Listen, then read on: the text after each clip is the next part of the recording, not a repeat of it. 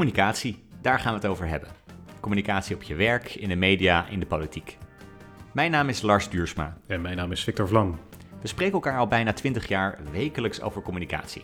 Over wat we zien, wat ons opvalt en wat we vinden. En natuurlijk ook waarover we het oneens zijn. Ja, we voerden samen campagne in de VS. Victor bespreekt Amerika nog steeds in de media. En Lars, jij traint de Europese top. Andere mensen denken altijd dat we ruzie hebben. Soms hebben we dat inderdaad ook. en vanaf vandaag maken we dus ook een podcast. Welkom bij De Communicado's. Ja, laten we direct eh, gaan beginnen. We gaan in deze podcast een aantal eh, onderwerpen bespreken die ons bezighouden, die te maken hebben met uh, communicatie. En we hebben ook vandaag voor deze eerste aflevering een aantal dingen geselecteerd. we gaan het hebben over jouw communicatiefrustratie van deze week, Lars. Dat is iets waar jij in ieder geval zeer gefrustreerd door bent. We gaan kijken wat dat precies is. We gaan het hebben over het debuut van van Galit Kazem bij uh, de, de, nieuwe talkshow van BNN-Vara op NPO 1. We gaan het hebben over Dan Ariely, die van zijn voetstuk is gevallen. Het is wel opmerkelijk wat uh, daar is uh, gebeurd. Want het is iemand die een hele grote naam heeft, een grote reputatie heeft. En nu blijkt dat hij toch wel wat onderzoek, want het is een wetenschapper, gefabriceerd heeft mogelijk. nou ja, heel problematisch. Wat betekent dat precies? We gaan het ook nog over Biden hebben. Je zei het net wel even, ik volg de Amerikaanse politiek goed. Biden krijgt nu kritiek dat hij niet empathisch genoeg is. Nou ja, wat moeten we daar precies van denken?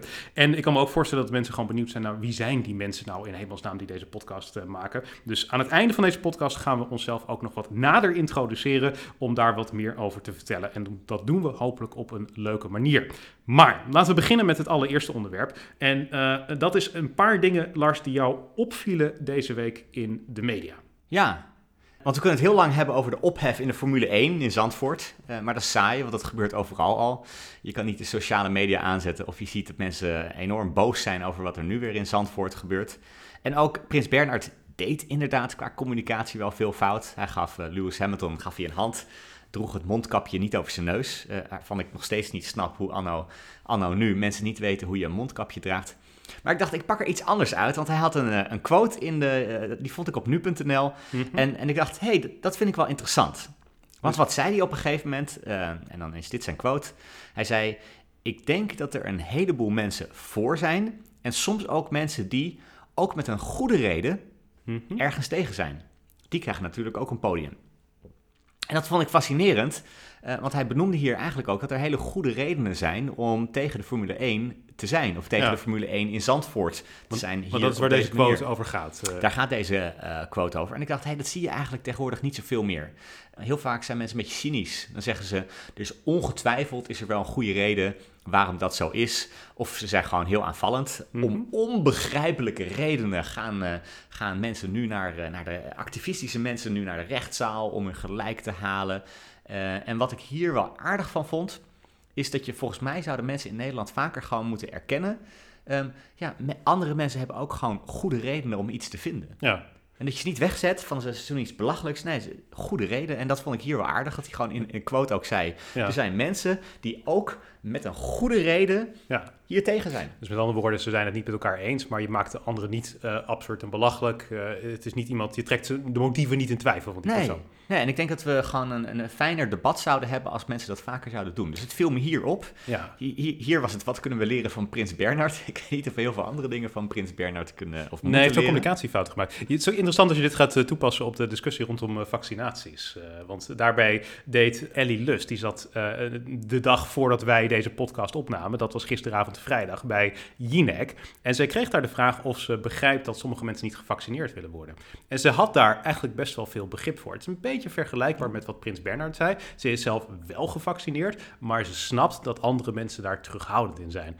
En er was wel direct kritiek aan tafel, want mensen vonden dat toch iets te veel begrip tonen. Maar je kan ook zeggen, eigenlijk is dat heel goed dat ze dat op die manier doet. Want ja. het is wel iets wat voor uh, misschien meer verbondenheid zorgt in het uh, maatschappelijk debat. Ja, dus dat was eigenlijk het eerste wat mij opviel. Volgens mij moeten mensen wat vaker erkennen dat andere mensen ook goede redenen hebben om iets te vinden. Ja, exact. Ja. Oké, okay, je had nog iets wat jou ja. opviel? Het tweede, um, er was natuurlijk groot nieuws dat het uh, RIVM-rapport naar buiten kwam over Tata Steel. Uh -huh. uh, heel veel giftige stoffen zijn gevonden rondom de staalfabriek. Uh, in de speeltuinen waar kinderen spelen. En die, ja, die zijn er aan het spelen. Die, die krijgen lood en andere gifstoffen. Die krijgen dat op hun vingers. Die stoppen ja. dat in hun mond. En dat is, uh, dat is niet goed voor kinderen. Hè? Dus je ziet ook al dat in die regio veel meer kankergevallen gevonden worden. En wat stond er vervolgens in het rapport?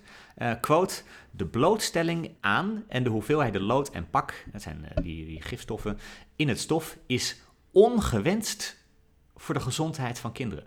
Hm. En dat fascineerde mij, want het werd ook overal uh, overgenomen. Uh, Ook op teletext, ons favoriete medium.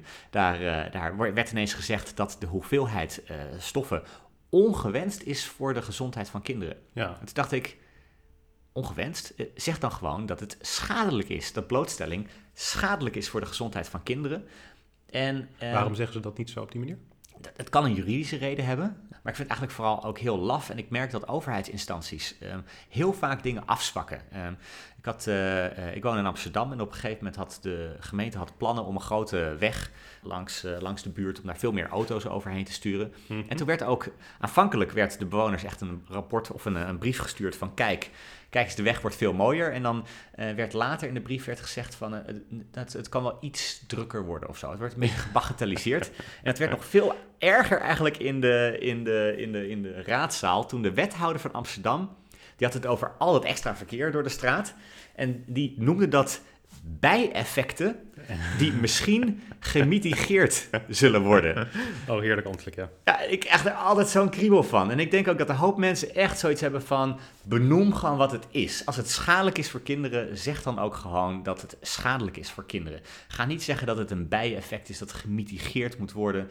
of uh, gebruik andere afzwakkende taal. Durf gewoon te zeggen wat het is. Ja. Ik, ik, denk dat mensen gewoon ook uh, als overheidsinstanties durven aan te geven wat het is, wat het betekent, ook gewoon sneller het gevoel krijgen van, nou, dit zijn mensen die ons begrijpen, die ons serieus nemen. Ja. Dus stop met die afzwakkende taal. Dat Geen eigenlijk ambtelijke taal, maar duidelijke taal. Dat willen we hebben. Ja. Uh, Oké, okay, dan hebben we dit. Uh, je had nog een laatste, geloof ik. Een laatste. Ja, ik zat, uh, ik zat dinsdag in de auto en luisterde naar Radio 1.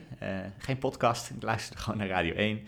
en het ging over camera's boven de snelweg. En via NRC Handelsblad kwam naar buiten dat die camera's al vijf jaar lang uh, automobilisten en bijrijders fotograferen. En dat die foto's ook gebruikt zijn terwijl dat helemaal niet mag. Het is gewoon illegaal gedaan. De overheid overtrad de weg, of de wet. Stel nou, Victor, hè, je moet een debat hierover voeren. Je hebt ook uh, vroeger veel gedebatteerd. En uh, je vraagt je af in een debat over of de politie foto's mag gebruiken van, uh, van mensen die dan gefotografeerd worden boven de, boven de snelweg, heb je vaak argumenten voor en je hebt argumenten tegen. Mm -hmm. Wat zou nou het argument hiervoor zijn? Uh, verkeersveiligheid. Ja, ja niet, niet alleen verkeersveiligheid, denk ik, hè, maar je kan makkelijker criminelen opsporen en, en zo. Maar ja, ik verwacht ook inderdaad veiligheid. En wat is het argument tegen? Privacy. Oké, okay. overzichtelijk debat. Hè, zie je in heel veel discussies. Voor het leidt tot veiligheid, tegen privacy. Ik ben opgelucht dat ik dit goed had. Ja, dit is uh, plus, uh, plus, okay, plus ja, puntjes. en toen werd daar iemand uh, geïnterviewd, Sjoerd Top heet hij, van de politie. En wat zei hij op een gegeven moment? hij zei, het probleem is, het werkelijke probleem is... dat we heel veel gegevens van onschuldige burgers moeten opvragen... om te kijken wie er achter het stuur zat. En als we alleen de foto zien, hoeven we de privacygegevens van andere bestuurders die toevallig in de buurt waren niet meer op te vragen. Ja, ja, precies. Dus wat was zijn hele argument? Als je voor privacy bent, dan moet je dus ook voor het bekijken van die foto's zijn, want dan bescherm je de privacy van al die andere mensen in de buurt van die auto. Exact, ja. Dus het is een beetje à la D66 van er is geen tegenstelling tussen veiligheid en uh, privacy. Het ligt in elkaars verlengde vaak. Ja, maar wat ik hier interessant vond, en daar is ongetwijfeld, is daar ook wel goed over nagedacht, is dat eigenlijk werd, ja, gewoon gekeken werd van, ja, wat, wat voor debat verwacht je? En kun je nou het argument wat hier tegen gebruikt gaat worden, privacy, ja. kun je dat in je voordeel gebruiken? En weet niet of ze hiermee gaan winnen. Ik, ik, ik heb ook second thoughts uh, of, of, of, dit echt wel wenselijk is. Want, want het alternatief is dat je gewoon helemaal die foto's niet uh, bekijkt. En ja. dat je dus inderdaad gewoon die privacy alsnog belangrijker dan de, dan de veiligheid ja. acht, zeg maar. Ja, want wat zei hij eerder in het interview? Hij zei, ik wil die foto's vooral gebruiken bij incidenten met een grote impact op de samenleving. Overvallen, dode aanrijdingen waar de bestuurder doorrijdt, moord en ja. doodslag.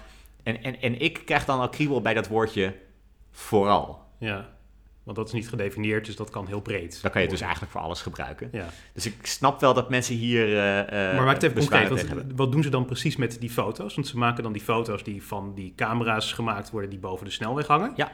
En dan stel dat ze bezig zijn met de opsporing van een overval. Wat kan je dan met die foto's om te kijken waar die mensen naartoe zijn gegaan? Ja, je, je wil zeker weten dat als een bepaalde auto ehm, ehm, bijvoorbeeld een aanrijding heeft veroorzaakt en vervolgens op de snelweg rijdt, Mhm. dan weet je wel wat het kenteken is van de auto die de aanrijding veroorzaakte. Maar je weet niet zeker wie er achter het stuur zat. En dan kunnen mensen ook later zeggen van, oh nee, mijn auto is Oh, gestolen of er zat een vriend achter het stuur. Ja, Met deze foto's kunnen ze gewoon zeggen van, nee, ho ho, kijk eens naar deze foto, jij zat achter het stuur. Dus zo willen ze die foto's gebruiken. Maar het punt was hier, en dat, ik denk dat dat vond ik Ja. wel interessant, ehm, kijk naar het belangrijkste argument van de tegenstanders. Ja, Kijk of je dat argument in je voordeel kan gebruiken. En dat is hier dus heel bewust gedaan bij Radio het is 1. een beetje de Karl Rove-strategie. pak het eh, eh, sterkste argument van de tegenstander en maak eh, dat eh, onschadelijk. Ja. En dat is natuurlijk wat de meeste mensen niet doen, want die eh, pakken het zwakste argument en gaan dat eh, onschadelijk maken. Karl Rove heeft dat gedaan als eh, architect van de George W. Bush-campagne door te pakken dat eh, Kerry's, John Kerry's eh, eh, patriotisme, het feit dat hij zijn land had gediend, dat hebben ze met de Swift Boat Veterans for Truth eh, proberen zoveel mogelijk kapot te maken. Maar inderdaad, diezelfde strategie. Dus dat is wel eh, interessant inderdaad. Oké, goed. Dat zijn de dingen die je opvielen. Ehm, dat zijn drie dingen, maar we hadden ook nog eh, een communicatiefrustratie eh, van jou deze Ja. week. Ehm, ik begreep van jou, dat heb je me ook laten zien, namelijk dat jij een camera had gekocht. Eh, dat is een camera die je gebruikte ook om trainingen, lezingen en dat soort eh, dingen allemaal digitaal te kunnen verzorgen. Ja. Eh, dat zorgt ervoor dat het er beter uitziet dan als je een eh, webcam eh, hebt. Maar dat leidde tot wat eh, frustratie in jou. Ja. Ja, ik moet even een aanloop nemen, maar we eindigen zo bij stofzuigergeluid en heel veel frustratie. Want eh, het, eh, dan weet je een beetje waar het naartoe gaat. Eh, afgelopen jaar heb ik de babykamer omgebouwd tot een thuisstudio. Want als je alles online doet, lezingen en, en, en presentaties en, en dagvoorzitterschappen, dan wil je toch een beetje indruk maken met een mooi beeld. De ik heb- vriendin daar ook blij mee? Ja, ik, zit, ik, ik zit veel in dat hokje nu, hè, dus dat, dat is wel rustiger in huis. maar ik heb eens teruggekeken wat ik allemaal heb gekocht om die studio eh, goed neer te zetten. En dat, dat begon met een betere microfoon. Ik heb een, een Blue Yeti caster gekocht, een microfoon op Ja, die standaard. ook gebruiken. Dus wat dat betreft, als het Ja. goed klinkt, dan is het inderdaad te danken. Dan Reken even mee, dat was 212 euro. En toen, na lang pielen, want eh, nou, internet, eh, eh, dat, dat, dat bleef een drama waar ik woon, waar je 200 wifi-netwerken kan ontvangen, heb ik op een gegeven moment internet via het stopcontact gekocht. Dat kan ik echt iedereen aanbevelen, 40 euro en het internet is altijd stabiel. Nou, Ja. als je dan een MacBook hebt, dan heb je ook een tussenstukje nodig, want er zit natuurlijk geen ingang in om hem aan te sluiten. Ja. Nou, ben je weer 35 euro verder. Toen een groot scherm gekocht, want zo'n presentatie gaat wel veel makkelijker als je een tweede scherm hebt eh, thuis. 350 euro. Nou, daar stond mijn eh, setup. Wat staat er op je tweede scherm dan precies? Ja, dan laat ik bijvoorbeeld mijn presentatie zien. Dus Ja, dan ja. kan je wel echt recht in de camera kijken, maar je presentatie die staat dan op het Dus eh, je hebt wel tweede de scherm. deelnemers op één scherm en de presentatie op het andere scherm. Ja, en dat werkt, op, dat werkt wel echt heel fijn om het zo te doen. Maar goed, 350 euro verder. Eh, wat kwam er toen? Eh, twee lampen eh, gekocht, maar die, die bleken uiteindelijk toch niet goed genoeg. Dus eh, 92 euro weggegooid. Toen kwam er een betere lamp, de Elgato Keylight heb ik toegekocht. eh 200 euro. Nou ja, die, daar ben ik wel blij mee. Maar toen bleek dat één lamp eigenlijk ook niet voldoende was. Dus hoppa, nog, nog een lamp. We zijn 200 euro verder. Maar echt lampen waar je de, waar je de, de, de temperatuur van het licht kan, eh, kan instellen. En ook kan, eh, kan instellen hoe, eh, nou ja, hoe fel je hem wil inzetten. En al- altijd goed licht. Dat is wel een aanrader. Toen ontdekte ik een toeltje. En dat is ook wel een aanrader, denk ik. Dat heet Mhm. Ja, Eh, jij kent het inmiddels. het eh, eh, mmhmm.app. Dan kan je heel makkelijk, een beetje zoals Arjen Lubach en anderen op televisie, kan je slides op de achtergrond zetten. En je kan ermee slepen, je kan jezelf transparant maken. Het is een beetje als een weerman met je eigen slide. Precies, maar dan heb je dus een greenscreen nodig. Dus nou ja, hoppa, eh, 160 euro verder. Ik had een greenscreen. Ehm, toen bleek dat, eh, dat mijn webcam niet goed genoeg was. Eh, want eh, nou, ik had ineens groen haar. en dat, nou, daar heb je extra lampen voor nodig, kom ik zo. Maar ook een betere webcam, dus Maar 250 groen haar, omdat gewoon die, die- wa- waar het uitsteekt, zeg maar, dat, dat, dat, dat wordt dan groen gemaakt Ja. of zo. Of dat is de reflectie van Het het, wordt scherm. net niet lekker uitgesneden. Nee, dus dan, dan, krijg je dat je, dat je ja, iedereen ziet dat je eigenlijk voor een greenscreen zit. Want Ja. nou, je haar is groen. Ja. Nou, op zich had ik het toen wel lekker staan. Ehm, maar op een gegeven moment denk je dan ook, stilstand is achteruitgang. Dus je wil, eh, je, wil, eh, je, je wil meer, je wil beter beeld. Dus eh, nou ja, een, een paar weken geleden dacht ik, ik wil een nieuwe camera. En dan niet zomaar een camera, echt een goede camera. De ultieme camera. En waar kwam ik uiteindelijk uit? De, de Sony Alpha 6600. Niet Met een- Niet gesponsord, zeggen we Nee, nee, met een lens van 700 euro. Dus bij elkaar 2000 euro voor beter beeld. Eh dan moet je trouwens heel erg uitkijken als je camera's koopt. Want de meeste camera's die je koopt, eh, eh, van die fotocamera's die ook kunnen filmen, die kunnen maximaal 29 minuten en eh, 59 seconden Ja, opnemen. dat vertelde je inderdaad. Ja. Dat is een Europese regel, toch? Die daar een, een probleem veroorzaakt. Dat ze dat Ja. niet langer kunnen doen? Lang verhaal kort, ehm, op videocamera's zitten meer invoerrechten dan op fotocamera's. Ja, en ja. op een gegeven moment was de vraag van wat is nou het verschil tussen die twee? En toen heeft Ja. de Europese Commissie gezegd van, nou als hij 30 minuten kan opnemen, dan is de videocamera. Ja. Maar dat betekent dus dat ehm, al die eh, fotocamera's echt hardwarematig eh, in de, eh, eh, hebben ingesteld dat je niet langer dan 30 minuten kan filmen. En dit is een groot probleem als je natuurlijk een training geeft, want die duurt meestal langer dan 30 minuten. Eh, ik denk bijna alle gevallen langer dan 30 minuten. Ja. En dan eh, loop je daar dus tegen die beperking aan. Ja, Maar er is een ander probleem. Ja, nou ja, daar kwam het. Dus alles bij elkaar heb ik inmiddels meer dan 4000 euro uitgegeven. Eh, ik dat aansluiten. Het beeld is echt fenomenaal. Dat mensen echt zeggen van wow, Hm. dat ziet er goed uit. En, en toen gebeurde het. Want, je, wacht even, want het ziet er mooi uit omdat je zo'n vage achtergrond op een natuurlijke manier krijgt. Hè? Ja, Dus veel Ja. mensen moeten dan zeg maar die, die setting dan in, eh, in, in Teams of in Zoom instellen dat je achtergrond een beetje blurry is. Ja. Maar hier is het gewoon met de juiste lens gezoomd, zodat jij perfect in focus bent en jouw achtergrond is dat net niet en dat ziet er perfect Ja. uit. Dus eh, het ziet er, gewoon, ziet er gewoon goed uit. Het ziet echt heel, eh, heel mooi uit. En toen gebeurde het. Ehm, eh, ik heb een MacBook Pro van 2000 euro. Mhm. Twee jaar oud. Super snel. Ja, die ook hier voor ons staat. Ja, maar hij is niet snel genoeg. Nee? Want hij blaast als een malle. Echt waar? En, en dat is zo hard dat, dat op een gegeven moment mensen ook vroegen van... Ja, ik, ik hoor steeds... op de achtergrond. Oh, wat erg.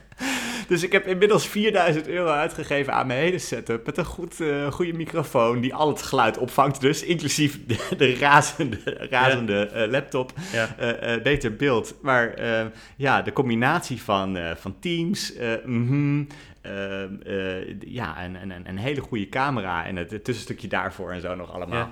Het vraagt zo ontzettend veel van je laptop, dat hij gewoon continu die ventilator aan het, eh, aan het, eh, aan het blazen is. Jeetje.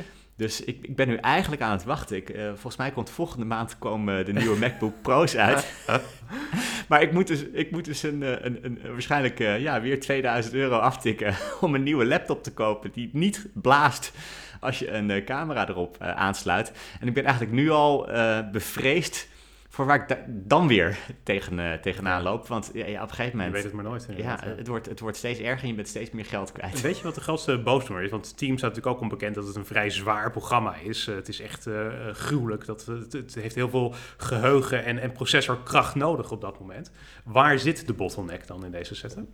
Ik denk Teams. Ja. Ja. En maar ook dus dat, dat die continu een, eh, een eh, 4K beeld Ja. met hele hoge resolutie Dus dat is het probleem met deze camera. Het 4K beeld uiteindelijk, eh, dat het zo groot is. Ja, dus je wil aan de ene kant wil je echt heel mooi beeld hebben, maar dat vraagt zoveel van je processor dat die, ja, dat die continu gaat blazen. En als je het gewoon in HD eh, ehm, vervolgens opneemt? Heb ik geprobeerd, maar ook dat, eh, dat leidt niet tot minder geblaas. Nee.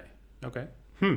Dus, Dat Frustratie is, eh, van de ja, week. nou ja, goed, mensen kunnen sponsoren. Hè? Eh, laten, mensen kunnen een GoFundMe eh, voor Lars eh, eh, voor zijn eh, nieuwe MacBook. eh, eh, in ieder geval eh, kan het allemaal. Maar goed, mensen kunnen dat aanmaken, kunnen er vrijen. Niemand wil ik op ideeën brengen. Dit is allemaal Of- niet gesponsord. of andere tips, hè? Als, als, als ik een icepack op mijn laptop moet leggen. Geef hem geld, dames en heren. Hij wil geld. Dat is wat er nodig is. Goed, oké. nee, we gaan dit eh, afsluiten, want we gaan naar het eh, volgende onderdeel. Eh, Lars, heb jij het eh, eh, eh, debuut gezien deze week van de nieuwe talkshow op NPO 1, Galit en Sophie? Yes. Eh, ja, ik ook. Ik ben een groot talkshow-fan, dat weet je. Als ik, ik zou het liefst de hele dag talkshows eh, kijken als dat eh, kan. Ehm, maar eh, gelukkig kan dat niet. Gelukkig heb ik daar niet de tijd voor. Maar ik heb wel deze week inderdaad, net zoals jij, eh, gekeken. Het was denk ik een vrij slecht debuut. Als je gewoon gaat kijken naar hoe het ontvangen, dan is dat niet goed. Angela de Jong zei eh, in, in, in het AD, de, de bekende televisiegezet natuurlijk, van had niemand hem tegen zichzelf kunnen beschermen. Nou, dat is al niet zo heel erg positief. Vervolgens, als je gaat kijken naar de kijkcijfers, dan zijn die ook niet zo verschrikkelijk hoog. Het programma trekt zo rond de 500.000 kijkers. Dat is echt niet zo fijn, want de vooravond, toen dat begon, op dezelfde dag in het jaar, de laatste maandag van augustus ook vorig jaar, eh, trok dat programma 1 miljoen kijkers. Dus dat is bijna twee keer zoveel als eh, dat, dat dit programma nu trekt.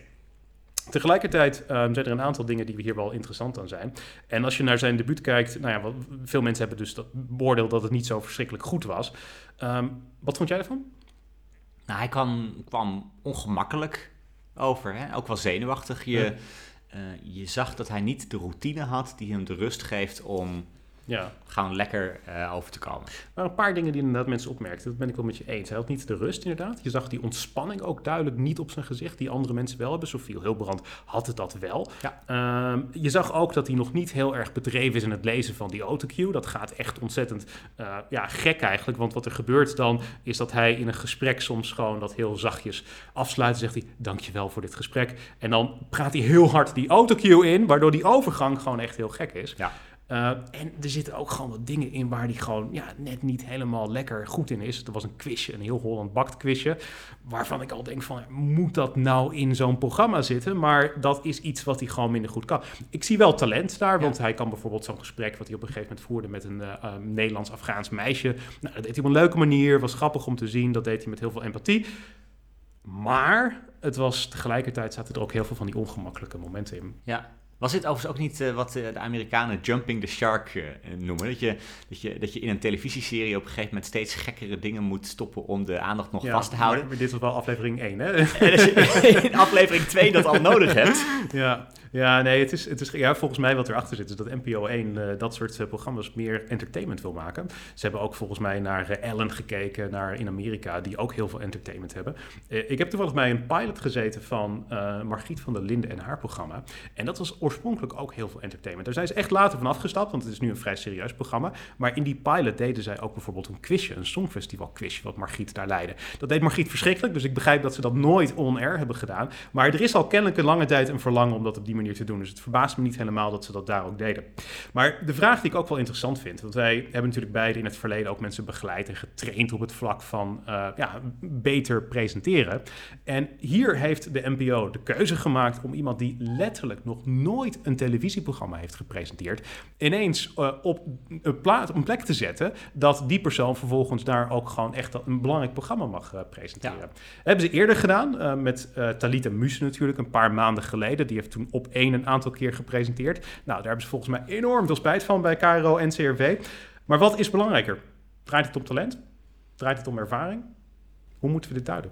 Ja, ik ben ervan overtuigd dat je voor het leiden van discussies echt heel veel routine nodig hebt. Mhm. Ehm, en dat, ik, ik, denk dat je ook een onderscheid moet maken tussen het presenteren van iets of uh, het leiden van discussies. Want ik denk, het presenteren aan zich, um, dat als je, als je gewoon lekker overkomt, dat, dat gaat al best makkelijk goed. Als het niet live is, kan je een paar keer oefenen. Uh, het is heel gescript allemaal, hè, dus je kan alles eigenlijk van tevoren voorbereiden. Ja. En dus het puur presenteren van iets, ja, daar heb je, nou ja, daar heb je gewoon een vlotte babbel voor nodig. Uh, en, en daar hoef je niet zo heel veel ervaring voor te hebben. Maar bij het leiden van discussies, ja, daar gebeuren eigenlijk continu onverwachte dingen. Dingen die je niet voorspeld had, of dingen die net anders gebeuren. En daar moet je op in kunnen spelen. En heel snel. Dus daar moet je heel snel op in kunnen spelen. En ik merk zelf dat dat het, het, het, lastigste is. We zijn afgelopen jaren een paar keer gevraagd om bij grote verzekeraars bijvoorbeeld intern ja. uh, gespreksleiderstrajecten op te zetten. Waarbij we hun medewerkers helpen om zich te ontwikkelen tot gespreksleider. En daar zie je ook van, je moet, je moet op een gegeven moment moet je echt tien keer moet je iets geoefend hebben voordat je dat echt in de vingers krijgt. En wat dat betreft is het leren presenteren veel makkelijker dan het leren van een gespreksleider. Hm ik, ik, weet, ik denk voor een deel dat dat waar is. Ik denk een van de dingen die een talkshow heel erg moeilijk maakt uh, om te doen, is het feit dat je er heel veel verschillende vaardigheden voor moet beheersen.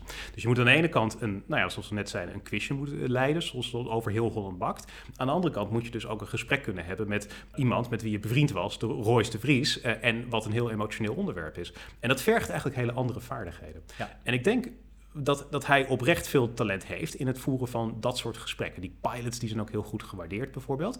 Alleen dan denk ik, dan wordt hij in een mal gezet wat gewoon een standaard talkshow mal is. En dat is volgens mij waar het misgaat.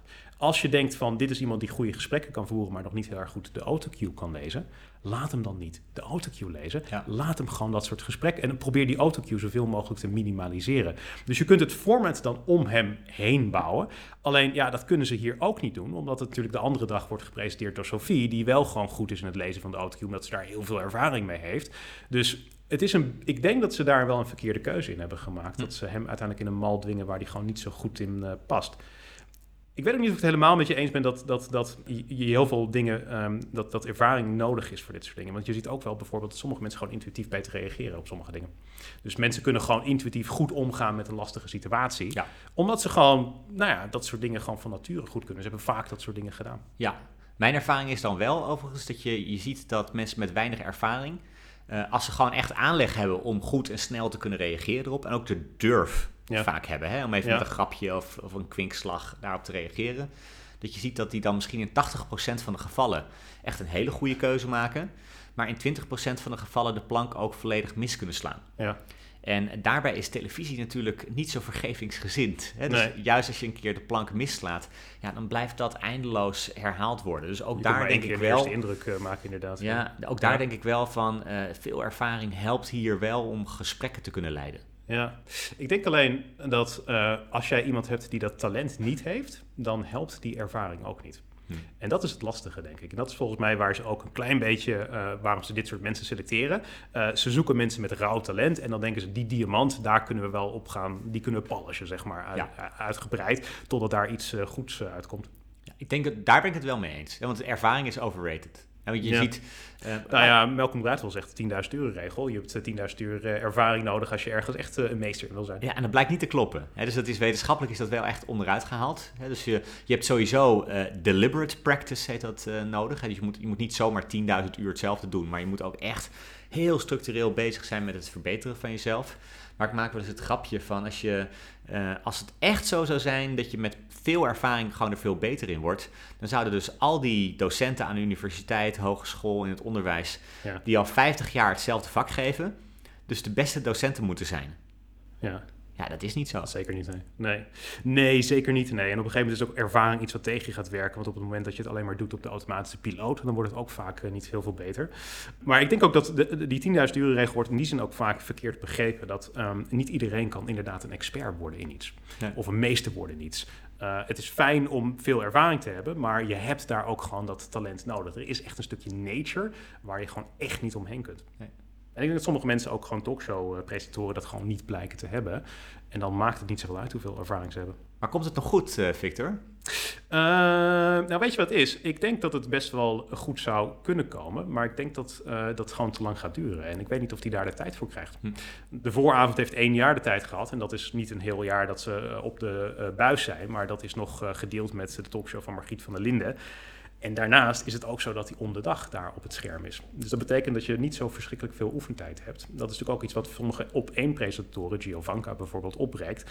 Eh, ze zijn wel beter geworden sinds dag één, maar het is nog steeds niet je van het. En dat is wel echt eh, een probleem op een gegeven moment.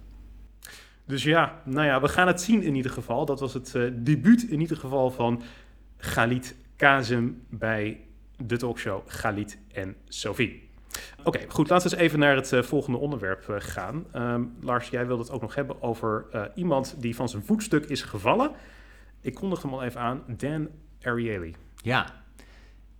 Dan Ariely, dat is in, de, ehm, in, het, in, in het vakgebied van de gedragswetenschappen, ehm, in behavioral science, zoals dat eh, wordt genoemd, is hij echt een eh, superstar. En, en, en, en, en iedereen heeft het over hem. Hij schrijft eh, grote boeken. Hij staat continu op alle podiums. Hij heeft geweldige publicaties. TED Talk heeft hij ook gegeven, geloof ik. Inmiddels hebben 25 miljoen mensen hebben zijn TED-talks gezien. Dus hij is echt een, een, een, een, een- superster. Ik heb hem zelf net voordat de corona uitbrak in Londen gezien.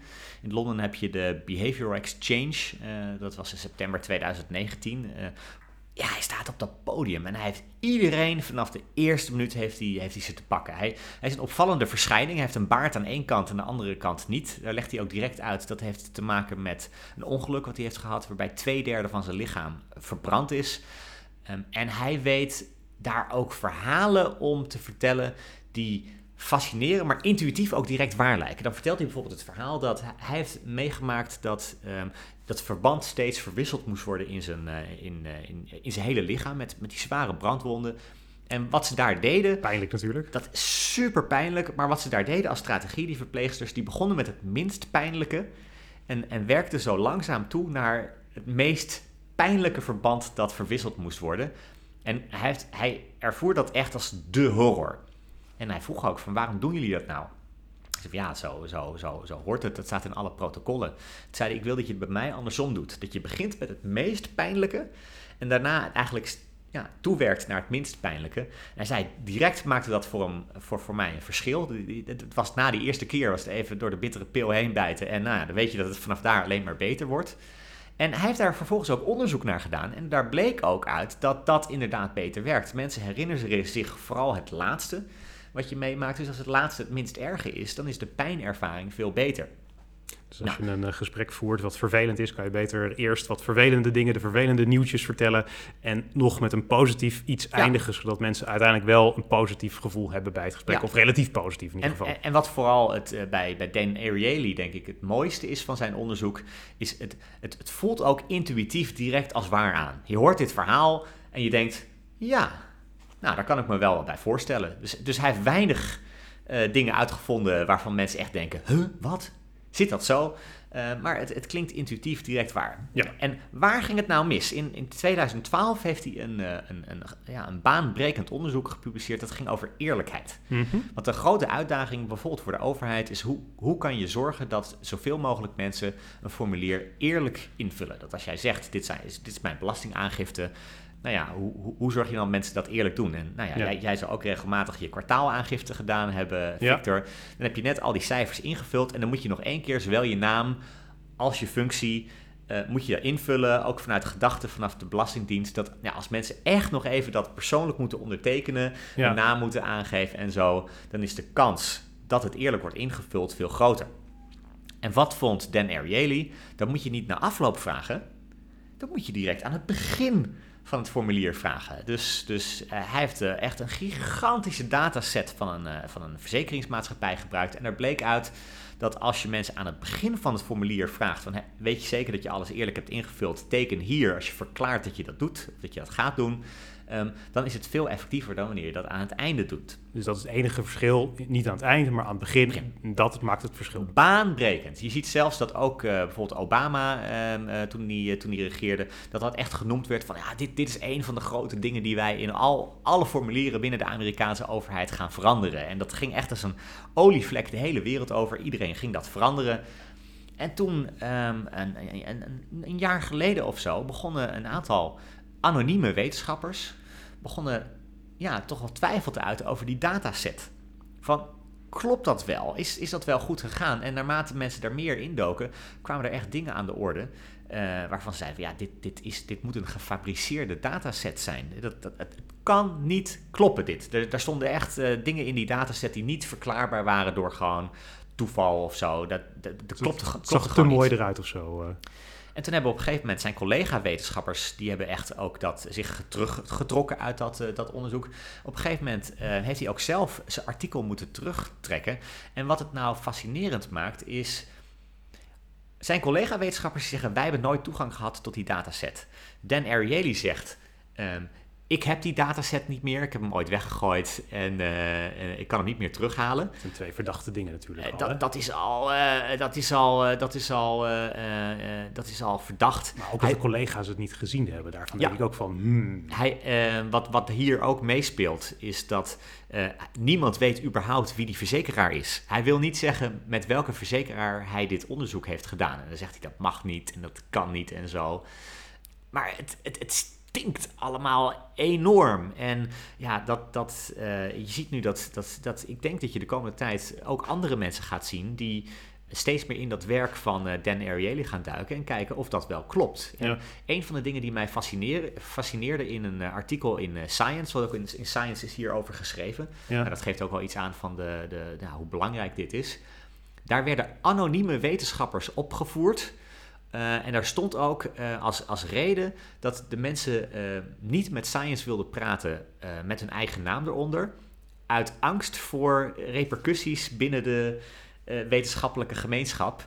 Want als je je afgeeft op Dan Ariely in, een, in het openbaar, ja, dan kan dat het einde zijn van je, van je carrière. Ja. Dus nog steeds, nu durft eigenlijk bijna niemand on the record daar, eh, daar vraagtekens bij te zetten. En dat, ja, want, want als je de goeroe Dan Ariely in twijfel trekt, ja, dan is het, is het klaar met je carrière. Het is wel een probleem eigenlijk. Hè? Want je ziet dat dus heel veel beleid van de Amerikaanse overheid, zoals jij net zei, is, of tenminste in ieder geval heel veel formulieren zijn veranderd. Ik vraag me dan ook wel direct af, want dit is een probleem wat niet alleen speelt bij Dan Ariely, maar er zijn inmiddels zoveel onderzoeken uit de gedragswetenschappen die ofwel niet repliceerbaar zijn, ofwel waar gewoon grote problemen met fraude zijn. Dat hebben we in Nederland ook gehad. Diederik Stapel was dat volgens mij, een, uh, een, een professor uit uh, Tilburg. Uh, maar er zijn hoe dan ook grote problemen. En het roept bij mij wel de vraag op van... in welke mate kunnen we echt vertrouwen op deze gedragswetenschappen? Is dit iets wat er klaar voor is op dit moment om echt beleid op te baseren? Nee, ik denk dat de wetenschappelijke methode dat absoluut wel is.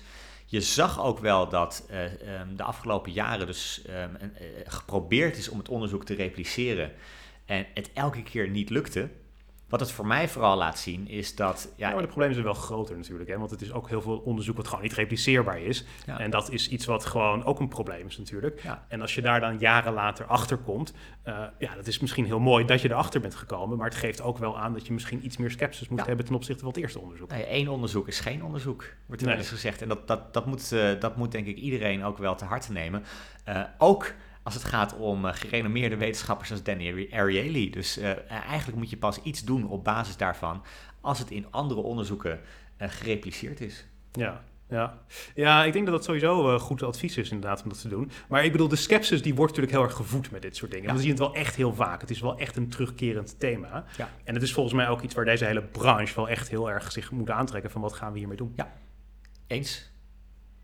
Oké, okay, nou ja, goed. We gaan dat in ieder geval uh, verder uh, volgen. Misschien moeten we een keer induiken van wat er nou allemaal is uh, veranderd daar. Want ik kwam laatst ook een site tegen, Reversals in Psychology Research. Dat gewoon een hele lijst, iets van 100 onderzoeken die inmiddels teruggetrokken zijn, genuanceerd zijn of niet repliceerbaar zijn. Dus misschien goed eens een keer om daar naar te kijken. Ja. Eerst even anders, ik kondigde het ook al aan. Biden, Joe Biden, ik volg hem uiteraard op de voet. En als er twee dingen zijn in die campagne waar hij zich op heeft geprofileerd. Dan uh, waren het dat hij A, competent was en B, dat hij empathisch was. En wat is nou... I feel your pain. Ja, dat is wat Bill Clinton inderdaad zei. Uh, uh, maar Biden ook, die, die had zoiets van... ik heb veel leed in mijn leven meegemaakt... en dat is iets wat mij meer empathie geeft dan bijvoorbeeld Trump. Het wordt ook onderscheiden ten opzichte van Trump, daar ging het om. Nu krijgt hij heel veel kritiek in de Verenigde Staten uh, rondom zijn terugtrekking uit Afghanistan, die uh, niet helemaal lekker is verlopen. Maar een stukje van die kritiek gaat ook over het feit dat ze hem niet empathisch vinden in de communicatie. En één voorbeeld daarvan wat wordt aangehaald is op een gegeven moment had uh, Biden een interview met George Stephanopoulos, de bekende interviewer in de Verenigde Staten. Hij kreeg daar, uh, werd er geconfronteerd met die beelden die we allemaal hebben gezien van die Afghanen die zich vastklampen aan een opstijgend vliegtuig, een Amerikaans vliegtuig en dan vervolgens afvallen. Verschrikkelijk om te zien. En toen zei Biden, ja, maar dat was vier of vijf dagen geleden. En het punt is dat A, het is twee dagen geleden op dat moment. En B, al was het vier of vijf maanden geleden. Uh, het is natuurlijk verschrikkelijk. En dat is natuurlijk het echte punt hier. Het is verschrikkelijk om dat te zien. Het is shocking. Het is iets wat absoluut niet zou moeten gebeuren. Nee. Uh, hij had het misschien wat beter kunnen regelen. Maar het is in ieder geval niet heel erg vriendelijk om dat op die manier te zeggen. Ook die hele denigrerende toon die er had. Vervolgens nog een incident. Um, er was namelijk op een gegeven moment uh, zijn er 13 Amerikaanse soldaten omgekomen. De Amerikaanse president heeft dan een, ja, een gesprek met een aantal van die ouders van die mensen die hun zoon of hun dochter zijn verloren. En Twee van die ouders die waren niet blij met het gesprek wat zij hadden met Biden. Uh, dat kon misschien omdat ze republikeinen zijn, dat zou ik niet weten. Ze hebben in ieder geval die avond bij Fox News in het programma Hannity hun verhaal gedaan. En die mensen zeiden van Biden was alleen maar aan het praten, hij was weinig aan het luisteren. Sterker nog, hij sprak alleen maar over zijn eigen zoon Bo Biden. Nou, die zoon Bo Biden is een paar jaar geleden overleden aan hersenkanker, dus dat is natuurlijk heel traumatisch voor Biden. En ik kan me voorstellen dat hij daarmee die connectie probeerde te maken met de ouders. Maar die ouders hadden zoiets van, ik wil niet dat je praat over Bo Biden, ik wil dat je praat over onze zoon, dat je zijn verhaal tot je neemt. De reactie van Biden volgens die ouders dan, we waren er natuurlijk niet bij, want het was een privégesprek, maar uh, toen zou Biden hebben gezegd, I know his story, op een beetje een boze toon. En dat zou het einde zijn geweest van dat gesprek. Niet heel erg empathisch weer Nee. natuurlijk. Het is, eh, komt niet heel erg lekker over. Het is een privégesprek, we weten het niet helemaal precies of het is zo is verlopen. Je kunt die ouders ook niet helemaal kwalijk nemen. Dat is natuurlijk wel echt gewoon boos zijn over wat er is gebeurd. Ze hebben een, een zoon verloren, dus dat begrijp ik ook volledig. Maar de vraag is wel, in welke mate is Biden empathisch? Had hij empathischer kunnen zijn? En wat ik hier interessant aan vind, is dat je eh, twee dingen hebt die eh, vaak door elkaar worden gehaald. En dat is empathie aan de ene kant en compassie aan de andere kant. Zou je het verschil kunnen duiden? Ik ben, ik ben eigenlijk wel benieuwd naar de definitie. Want eh, Ja, daar gaat het ook om. Wat is de definitie van de twee en wat is het verschil? ik zou niet in één zin kunnen zeggen wat, wat, wat het verschil is. Dus ik ben wel heel benieuwd hoe jij die... eh, Het ja. verschil wat eh, vaak wordt aangehaald is dat empathie het, het, het, het, zeg maar het, het voelen van de emotie van de ander is. Dus iemand heeft iets vreselijks meegemaakt, jij voelt het ook. Of iemand is blij en jij voelt dat ook. Ja. Compassie daarentegen is het eh, rationeel begrijpen van de emoties van de ander. En dat betekent dat je begrijpt dat de emoties van de ander iets zijn, maar je voelt het zelf niet. ja, van die mensen die zeggen van ik, ik, ik begrijp dat heel goed. Bijvoorbeeld, maar dat is nog niet een teken van compassie, want dat kan natuurlijk iedereen zeggen. Dus dan de manier waarop je dat overbrengt, dat, dat doet er zeker wel toe. Ja. Maar compassie is inderdaad gewoon wat rationeler dan uiteindelijk eh, eh, empathie. En de reden waarom het volgens mij belangrijk is om die twee uit elkaar te houden, is omdat eh, wat we in onze samenleving, wat mij betreft, te veel hebben, dat is empathie. En wat we soms te weinig waarderen, is compassie. Ik denk namelijk dat het misschien best wel terecht is dat Biden hier niet de empathie had om eh, eh, zeg maar hier al empathisch te reageren. Maar dat is niet per se erg, want het nadeel van empathie, het is een soort van spotlight, wat heel erg de focus legt op één bepaald persoon die leed heeft of iets goeds heeft meegemaakt. Maar het legt in ieder geval de spotlight op dat, ten koste van allerlei andere dingen. Hm. En wat je in zo'n situatie volgens mij moet doen, is dat je juist heel erg, zeg maar, al die belangen wil afwegen op de juiste manier. Dus je moet niet één belang per definitie zwaarder wegen dan de ander, omdat je dat meer voelt qua emotie. Maar je wil daar een rationele afweging kunnen maken. En dat betekent in zo'n situatie dat je aan de ene kant wil meewegen dat eh, je dat land gaat verlaten. eh, maar je wil wel eerst die Afghanen en die Amerikanen die daar zitten, die gevaar lopen bij de Taliban, dat je die uit het land haalt. Tegelijkertijd wil je niet te veel Amerikaanse troepen daar naartoe sturen, want dat kost ook mogelijk weer Ja. mensenlevens. Dus je moet daar een hele ingewikkelde afweging maken, maar je kunt die afweging beter rationeel maken. Wat je dan wel moet doen, is met compassie reageren. En wat je volgens mij bij Biden zag, is dat hij oprecht dat gewoon niet had, die empathie. En dat je hem dat niet per se kwalijk kunt nemen. Maar dat empathie overgewaardeerd is. Wat hij veel beter had moeten doen, is dat hij gewoon veel meer compassie had moeten tonen. Veel meer compassie naar die Afghanen die op dat vliegtuig zitten, waar hij echt heel erg disqualificerend op reageerde. Maar ook eh, ten opzichte van die ouders. Ja, die zie ik wel voor publieke optredens. Dus daar, daar, daar denk ik dat, dat dat echt zou helpen in de, in, de, in de persconferenties en speeches en zo. Maar is, is het niet zo dat als je met eh, ouders spreekt die net een zoon of dochter hebben verloren, dat er eigenlijk maar één doel is, namelijk dat, dat zij na afloop het gevoel hebben van, nou, eh, je kon onze pijn niet wegnemen, maar ik ben blij dat we dit gesprek hebben gehad. Ik denk eigenlijk dat heel veel eh, mensen die empathie proberen te tonen, dat het niet echt werkelijke empathie is. En daarmee gaat het vaak stuk. Eh, ik denk dat, dat zo'n gesprek, ten eerste volgens mij, wat je kunt doen naar, zo, naar die ouders toe, is veel meer luisteren, veel minder zelf praten en gewoon tegen ze zeggen, vertel me wat over je zoon. Wie was het? Wat voor iemand was het? Wat gaan we missen aan deze persoon? Gewoon stel die vragen, laat die mensen praten. Dat is denk ik een van de eerste dingen die hij daar al in dat gesprek fout deed. Maar ik denk verder dat empathie is ook gewoon niet altijd fijn om dat te krijgen, zeker als het van onbekenden komt. Hm? Ik heb zelf, eh, eh, toen mijn eh, vader vorig jaar overleed, toen had ik een van de dingen is dat sommige mensen die je niet kennen, heel veel als het gewoon vrienden zijn, dan is Ja. dat op zich fijn. Dan zijn het gewoon mensen die met je meevoelen. Die jouw Maar- vader kende ook. Ja, precies, exact. Maar het is heel anders als ineens een totale vreemde dan ineens dingen tegen jou zegt die, die, die heel erg ja, eh, die, die emotie op tafel leggen. Want dan zie ik aan mensen dat, dat, dat, dat ze dat proberen en dan, ja, dan moet je dat weer waarderen. Dan moet je daar als het ware die mensen weer geruststellen. Maar dan ben je dus meer bezig met die mensen op hun gemak te stellen dan dat jij echt gewoon bezig bent met je eigen emoties. Ja. Dus ik had eigenlijk gewoon veel meer aan mensen die gewoon af en toe eh, of gewoon een sms'je stuurden van hé, hey, wat vervelend als er iets is wat ik voor je kan doen, laat het weten. Weet je, dat is, dat, dat is compassie, dat is rationeel. Ze voelen die pijn uiteraard niet, maar het is wel iets waar je op zo'n moment echt veel meer aan hebt. En als we hem even terugvoeren naar Biden. Uh, Ja. Want is het, is het dan veranderd bij Biden in de loop van de jaren? Want wij hebben zelf in, in 2008 campagne gevoerd in, eh, in Amerika, 2012 ook. Dus we waren daar eh, om ze van dichtbij te zien spreken. In 2008 weet ik nog dat onze eerste rally, die, volgens mij die we, die we meemaakten, dat was een rally met Ergens in Virginia inderdaad was dat, ja. Joe Biden, waarbij hij echt die, die, die, die, die twee microfoons vastpakte en Ja, met zijn stem, stem, ja. bulderde door, die, eh, door die microfoons. Had hij het toen meer dan nu dan? Is er iets veranderd bij hem? Eh, ja, ik, ik, weet het niet. Maar ik, ik, het is wel een van de dingen waar je zou kunnen zeggen van... als hij ouder is geworden, kan je het misschien zien aan dat gebrek aan empathie de laatste tijd. Ja. Ik weet het niet, ik vind het lastig om te zeggen. Ik vind het moeilijk, want hij is ook in een nieuwe situatie gekomen. Dus is hij veranderd of is de situatie veranderd? Ehm, ik vind het wel opmerkelijk dat je eh, het minder ziet als president. En dat kan echt een leeftijdsding natuurlijk zijn. Hè? Dat hij zo met, met dat presidentschap bezig is... dat dat al zijn aandacht en energie vereist... dat hij gewoon niet meer die empathie... dat hij die energie heeft om die empathie op te brengen.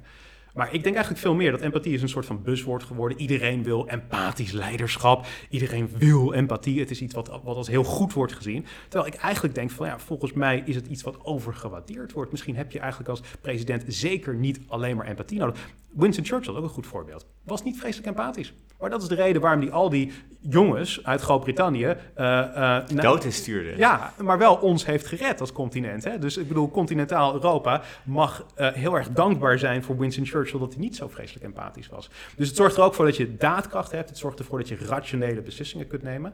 En ik denk dat je compassie moet hebben. Maar empathie in leiderschap kan echt lastig. Persoonlijke omgang vind ik het anders. Maar in leiderschap vind ik het af en toe overrated. Ja, ik, probeer het even naar de Nederlandse situatie te vertalen. Maar ik, ik- denk dat ik het in Nederland juist andersom zie. Dat in die hele toeslagenaffaire eh, zag ik wel compassie van het kabinet. Van het moet vreselijk zijn als. Maar ik denk dat, dat als de, de, de, de leiding daar, maar ook de ambtenaren, wat meer empathie hadden gehad. voor de mensen die ze de vernielingen hebben geholpen.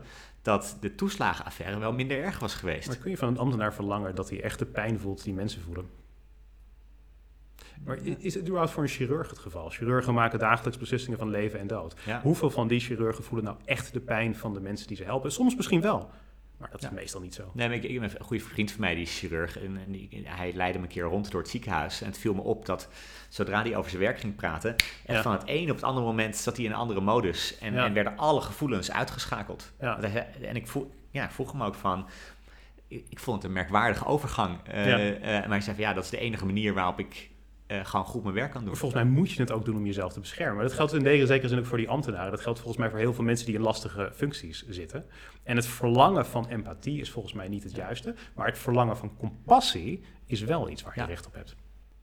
Nou, dit, dit zet even aan tot eh, denken. Ik, ik vind wel dat we het niet over Biden kunnen hebben zonder één moment toch wel te benoemen. En dat zal ik dan proberen met zoveel mogelijk compassie. Ja, ik wil zeggen, Eh, ik weet waar je heen gaat, maar eh, dit klinkt alsof dit compassie nodig heeft. Maar ga je. Ja, ja, in 2012, wij, wij waren naar een bijeenkomst met Biden.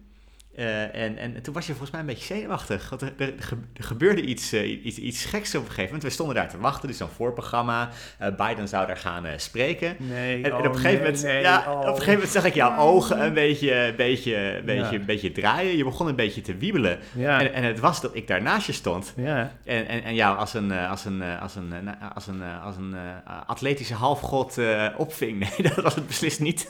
Maar jij, jij ging helemaal op, op de vlakte, Victor. Jij zakte ik zo onder de indruk van eh, Biden eh, als eh, spreker dat ik daar gewoon inderdaad flauw viel, ja. Ja. ja. Het is de enige keer dat het ooit gebeurd is in mijn leven, grappig genoeg. Dat je flauw bent gevallen. Ja.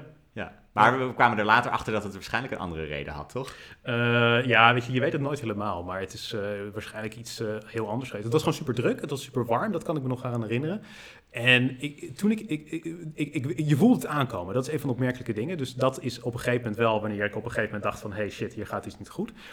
Maar ik kon toen de zaal ook niet meer in. Dus ik ben toen de zaal zeg maar, uit, maar bijna gedragen door al die mensen. Ik kan me dat ook nog herinneren, dat was verschrikkelijk gênant.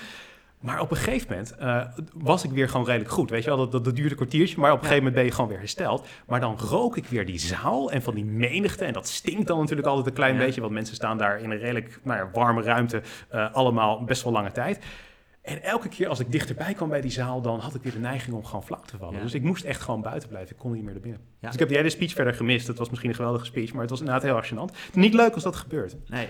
Ik- volgens mij, we stonden toen echt in de hitte, zes uur in de rij. Er was, eh, Ja, er was geen ja. eten, er was geen drinken. En eh, Nee. ja, Ja, je weet nooit helemaal waarom het gebeurt. Maar het was, ja, het was inderdaad het was een avontuur eh, in ieder geval om dat mee te maken. En Amerikanen hebben natuurlijk zo'n totale overreactie altijd. Want er werd ook direct eh, 911 gebeld.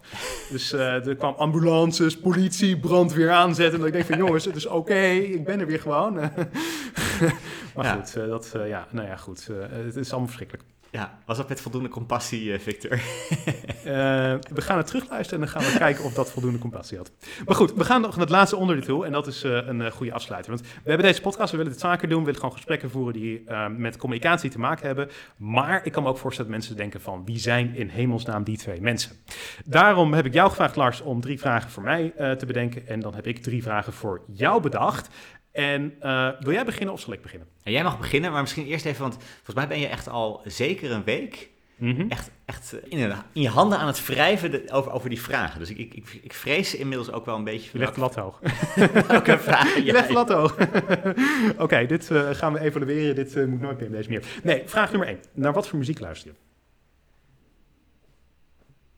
Ja, oh, ik had echt hele andere vragen verwacht, Victor. Ik dacht, nu leg jij me echt het... eh, het eh, Ik zeg, het gaat verrassend worden deze vragen. En je bent gewoon drie seconden stil. Ik ben gewoon flabbergasted, omdat ik dacht, is, is dit nou waar jij je al een week lang lekker over Mensen moeten je leren kennen. Wat voor muziek luister je naar? Ik luister veel naar jazz op de, op de, op de achtergrond. En ik heb, ik heb vroeger veel eh, piano gespeeld. En dat was ook veel klassiek. Dus ik, ik ga ook wel naar het concertgebouw nu, het, Mhm. nu het weer mag. En ik luister naar klassieke muziek. Eh, heel eerlijk, ehm, tegenwoordig is het vaak gewoon echt playlists in, eh, in Spotify. Mhm. Ehm, maar ik Even, schrok wel... wie, wie staat er in die playlist? Even voor eh, mensen om dat duidelijk en helder te krijgen. Het is vaak een, een, een overzicht van, van, van, van soul, funk, jazz. Ik, ik probeer het, probeer het zo, eh, zoveel mogelijk te wisselen. Ik schrok wel overigens laatst dat in, in Spotify eh, tegenwoordig de meest ge- geluisterde nummers, dat zijn kinderliedjes. Ja, zijn nog meer mensen met kinderen. Dus tegenwoordig als je mijn Spotify bekijkt, denk je, hé, hey, Lars is Ja. de hele dag kinderliedjes aan het luisteren. ja, oké. maar het is dus eh, inderdaad... eh, mag ik het samenvatten als elitaire muziek? nou, als, als jij dat zo ziet, dan mag dat, eh. Goed, dus vraag 1. vraag 2. Waar ben je het meest trots op? Van alle dingen, op, op, op verschillende manieren. Ehm, Je mag ik- maar één noemen. Anders duurt het gewoon te lang. ja, is, is, is dat echt... eh, Ja, je, je bent heel streng, Ja. Victor. Ja, ik ben echt heel streng. Dus het, anders duurt te lang. Nou, nou, ik ben ooit wereldkampioen geworden in het debatteren. En daar ben ik wel echt heel trots op. Dat, dat, dat ik op dat moment de beste van de hele wereld was. Je hebt een zoon. Oh, ben, ja, je maar had gewoon die zoon moeten ja, noemen. daar, daar Hij luistert over over. tien jaar terug. ja, En dan denkt hij, shit, gewoon niet genoemd. ja, ook mijn vriendin en, eh, en, en, en mijn zoon natuurlijk ook. Maar ja, ik dacht van ja, je moet één ding noemen, persoonlijk. Ehm, ik vind namelijk ook een heel cliché antwoord als mensen zeggen van ja, ik ben het meest trots op mijn zoon. En dan, Dat ja. is wel waar, inderdaad. Ja. Ja. Dus ik dacht, ik noem iets anders. Je bent wereldkampioen debatteren geweest. Dat was, eh, wanneer was dat? 2006. Ja. En dat is een wereldkampioenschap dat wordt eh, gehouden. Ja, ik weet hier natuurlijk, wij, die, wij, wij kennen elkaar een beetje uit die wereld. Hè? Dat, dat Ja. wedstrijddebat op universiteiten en inderdaad naar toernooien gaan in het buitenland. Je bent wereldkampioen geworden in Duitsland, was het geloof ik? Nee, Dublin was dat. Dublin. Ja. Ja. ja. Heb je de beker nog thuis staan? Ja, dat is een, een lastig verhaal, maar je wint het met z'n tweeën en eh, mijn eh, teamgenoot, die heeft, die heeft de beker. Oh, dat haat ik altijd aan toernooien, die maar één beker hebben voor twee mensen inderdaad. Ja. Ja, oké. Nou ja, goed. Maar goed, het gaat om de prestatie natuurlijk en eh, dat is waar je het meest trots op bent. Vraag 3. ja, Wat vind je het irritantst aan mij? aan jou. Ja. Want even voor de duidelijkheid, wij kennen elkaar natuurlijk echt, ik zei het net al even, wij kennen elkaar al best wel lang. Hoe lang kennen we elkaar? Een jaar of twintig, geloof ik, hè? 20, ja. Ja. Je hebt vast wel irritaties. Ja. Nou ja, je, je, bent, ehm, je bent weinig flexibel. Dus we, kwamen hier binnenlopen. We kwa- kwamen hier binnenlopen in jouw huis. En eh, ik, ik hoorde een wa- wasmachine op de achtergrond. Eh, ik zei, "Z- zullen we die even op pauze zetten voor het opnemen van de podcast? Antwoord, nee, gaan we niet doen. En dat, en dat, is, dat is niet van, nou, als, als jij dat vervelend vindt, joh, hè, met compassie en empathie. Als, als jij je er nou echt aan stoort, laten we dat dan doen. Ik, ik hoor allemaal ventilatie eh, hier op de achtergrond. Ik zei, zullen we daar iets voor Nee. hangen? Nee. En, het is ook niet, het is niet een flexibele nee of zo. Dat is gewoon een nee van, nou, je kan het hier nog eh, een uur over hebben. Maar het einde van dat uur gaat zijn dat het een nee is, punt. Ik moet echt een was draaien. Ik heb gewoon echt een... een ik, het is gewoon zaterdagochtend, het is mijn vaste wasmoment. Ja, Maar goed. Oké. Nou, ik, ik noteer het. Misschien is dit, eh, weet je, ik ga het echt even opschrijven. En dan gaan we kijken of dit eh, zich eh, verbetert in de toekomst. Volgens mij waren dat de drie vragen. Ik, ik dacht, heb, heb ik me hier nou een, een week lang zorgen om Ja, maar je zit te maken? te hypen. Ik ga, maar het zijn drie onverwachte... Je was drie seconden stil bij de Ja. eerste vraag, eh, vriend. Ja, omdat ik dacht van, is dit, is dit echt Oké, hetgene nou, wat je kom wil maar vragen? op met jouw vragen, want die gaan dus kennelijk fantastisch zijn. Nou, ik voel me al schuldig nu, want ik heb echt een, ik heb echt een week zitten nadenken over de meest lullige vragen die ik kan wat bedenken. erg. Oh, wat erg. Ja, kom maar met vraag 1. Vraag 1. Victor, je probeert al zeker 15 jaar een bekende Nederlander te worden. Ah, nee. Hoe vind je zelf dat het gaat? Oh, wat... Nee, ja, dat gaat... Nee, maar ik ben absoluut geen bekende Nederlander. Tenminste, ik denk dat ik een Nederlander ben van de D-categorie. Ik denk de A-categorie, dat is Linda de Mol. Dan heb je daar een B-categorie, dat zijn zeg maar presentatoren die net wat minder bekend zijn dan Linda de Mol. Een beetje een Kim Lian van der Meij-achtig eh, figuur. Dan heb je een C-categorie, dat zijn vaste talkshow-gasten die nou ja, regelmatig op televisie zijn, enige bekendheid hebben, maar niet super bekend zijn. En dan heb je de D-categorie en dat zijn sporadische talkshow-gasten. En dat ben ik, zeg maar. Maar eh, ja, weet je, eh, ik, denk, ik, rationeel gezien weet ik dat bekendheid niet verschrikkelijk leuk is. Dus in die zin denk ik dat ik het helemaal niet leuk ga vinden. Aan de andere kant denk ik dat er heel veel voordelen aan zitten die eh, eh, wel fijn zijn. En een van de voordelen is wel gewoon dat je makkelijker dingen kunt promoten, projecten en dergelijke. Als deze podcast gepromoot moest worden in eh, op één, als wij beide bekende Nederlanders waren, dan zaten we waarschijnlijk veel sneller in dat programma dan als zeg maar nu het geval is. Vraag 2. Ik heb, ik heb gewoon eh, mensen die wij beide kennen Oh nee. ge- gevraagd of zij in één zin, Oh nee. Oh, dit wordt echt. Ik heb nu al spijt van dit onderdeel. Ga ik nooit meer doen. of zij in één zin jou kunnen omschrijven. En ik dacht, ik leg drie van die definities aan jou voor. Oh, nee. En dan mag jij kiezen met welke eh, je het meest eens bent. Oh, ik haat het nu al. Ja, ga je gang. Ja, ben je klaar? Nee, Definitie 1. Ik heb ze anoniem gelaten, dat, dat heb ik ze ook ik beloofd. weet waarschijnlijk al wie het is. Quote. Iemand die met interessante dingen komt die je niet elders hoort, Oh, ik weet wie dit is. maar een tikkeltje te veel geldingsdrang. Ik ga gewoon nu die persoon gewoon sms'en. Ik vind dit gewoon een kutopmerking.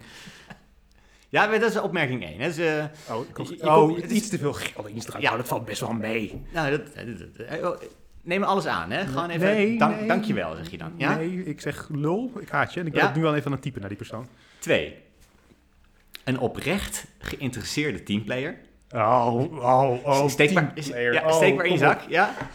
Oh, zo'n cliché. Maar wel iemand die heel erg Oh, graag... die maar. hè? Laat het gewoon bij het eerste deel. Het kan ook positief Nee, zijn. maar la- laten we af. Maar wel iemand die heel erg graag naar zichzelf luistert en kijkt. Oh nee. Oh, oh, ik weet ook wie dit is. Gewoon, oh, oké. Nou, goed. Ik heb echt een aantal Ja, mag- mensen... mag ik de derde? Mijn, nee, ja, ik, ga, ik, ga, ben nu, ik ben even mensen aan het verwijderen uit mijn ding. Oké, opmerking 3. Mhm. Victor is iemand die het leven heel overzichtelijk vindt. Wanneer iemand A zegt, verdedigt hij B en geniet van het Dat effect daarvan. Ja, dat is wel waar. Ik ben wel een contrary, inderdaad. Ja. Ik ga voor deze laatste. Ja? Ik heb trouwens nog iets geschrapt. Ik dacht al dat je deze zou eh, kiezen. Eh, en, en daar kwam na. En op een of andere manier komt hij er ook mee weg. En dat is zijn charme. Oh, dat vind ik wel goed. Oh, dat vind ik wel fijn.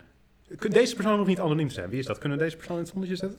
Alexandra. Alexandra Smit. Oh, dat vind ik alweer aardig van Alexandra. Weet Ja? je, Alexandra is gewoon een van mijn eh, favoriete mensen. Nou ja, ik denk... Die andere twee mensen, die, eh, die- laten we die ook gewoon even nemen en shamen. Dat is misschien wel leuk. Nee, nee, dat had ik, ik had ze anonimiteit beloofd en dan, eh, dan moeten ze dat ook. Ja, maar dat zeg je alleen maar op dat moment om even wat te, te, te, Drie. te bereiken. Ik heb twee varianten. Wil je de lullige of de... Oh nee. Dacht, maar was dat geen drie dan? Nee, dit was twee nog. Oh. De eerste was, eh, hoe vind je zelf dat het gaat? En de tweede was eh, die quotes van welke herken je het oké, meest ja, ja. Oké, goed. Ga maar met drie. Ja? Victor, Mhm. De avond voor de verkiezingen van 2016 wist je één ding ontzettend zeker. Oké, ja. Dat Hillary Clinton zou gaan winnen. Ja, Je bent Amerika-kenner, ja. je volgt alles. Mhm. Je hebt met grote stelligheid, iedereen die het maar wilde horen, verteld... eh, don't worry, eh, als, je, als, je morgen, als je morgen wakker wordt... dan is Hillary Clinton is de, is de president. Ja. En toen? Ja. Ja, dat is eh, iets anders eh, gelopen inderdaad. Eh, zoals we natuurlijk allemaal weten inderdaad. Ja. Ja, het is wel een ding waar ik overigens oprecht van heb geleerd. Ik denk dat het een fout was om zo stellig te zijn. Ik denk een van de fouten die ik daar persoonlijk van heb geleerd is dat zij had een voorsprong van slechts 3 procentpunten in de peilingen. Dat is uh, weliswaar een consistente voorsprong, maar het is wel een hele kleine voorsprong. En dat hadden we niet als zekerheid mogen presenteren met z'n allen. Ik denk dat dat een fout is. Ik denk ook dat ik daar heb laten meewegen dat ik dacht, Donald Trump kan toch niet worden gekozen tot president, want het is iemand die zich zo gek gedraagt. En dat is iets waarvan ik ook wel denk van, ik denk dat ik heb onderschat hoeveel uh, echt leed er is in de Verenigde Staten en hoeveel uh, ja, gewoon, gewoon hunkering er is naar echte verandering. Uh, dus dat zijn wel echt dingen die ik uh, uh, nu anders bekijk. dus in dat opzicht ben ik er helemaal op teruggekomen. en zou ik het niet op deze manier opnieuw hebben gedaan. Dus ik zie het ook wel echt als een fout, wel als een leermoment inderdaad. Ja. Dus ik ben het op zich met die kritiek wel eens. Oké, dat waren de vragen. Oké. Het, uh, ja, nou ja, dit, en dat was de eerste podcast. We hebben niet aan oefenpodcast uh, gedaan. Misschien wreekt zich dat ook wel. dat, uh, dat mensen denken van jeetje, die, die blokjes duurden echt veel te lang. Het geluid was hopeloos. Um, alsjeblieft, doe dit eens, maar nooit meer.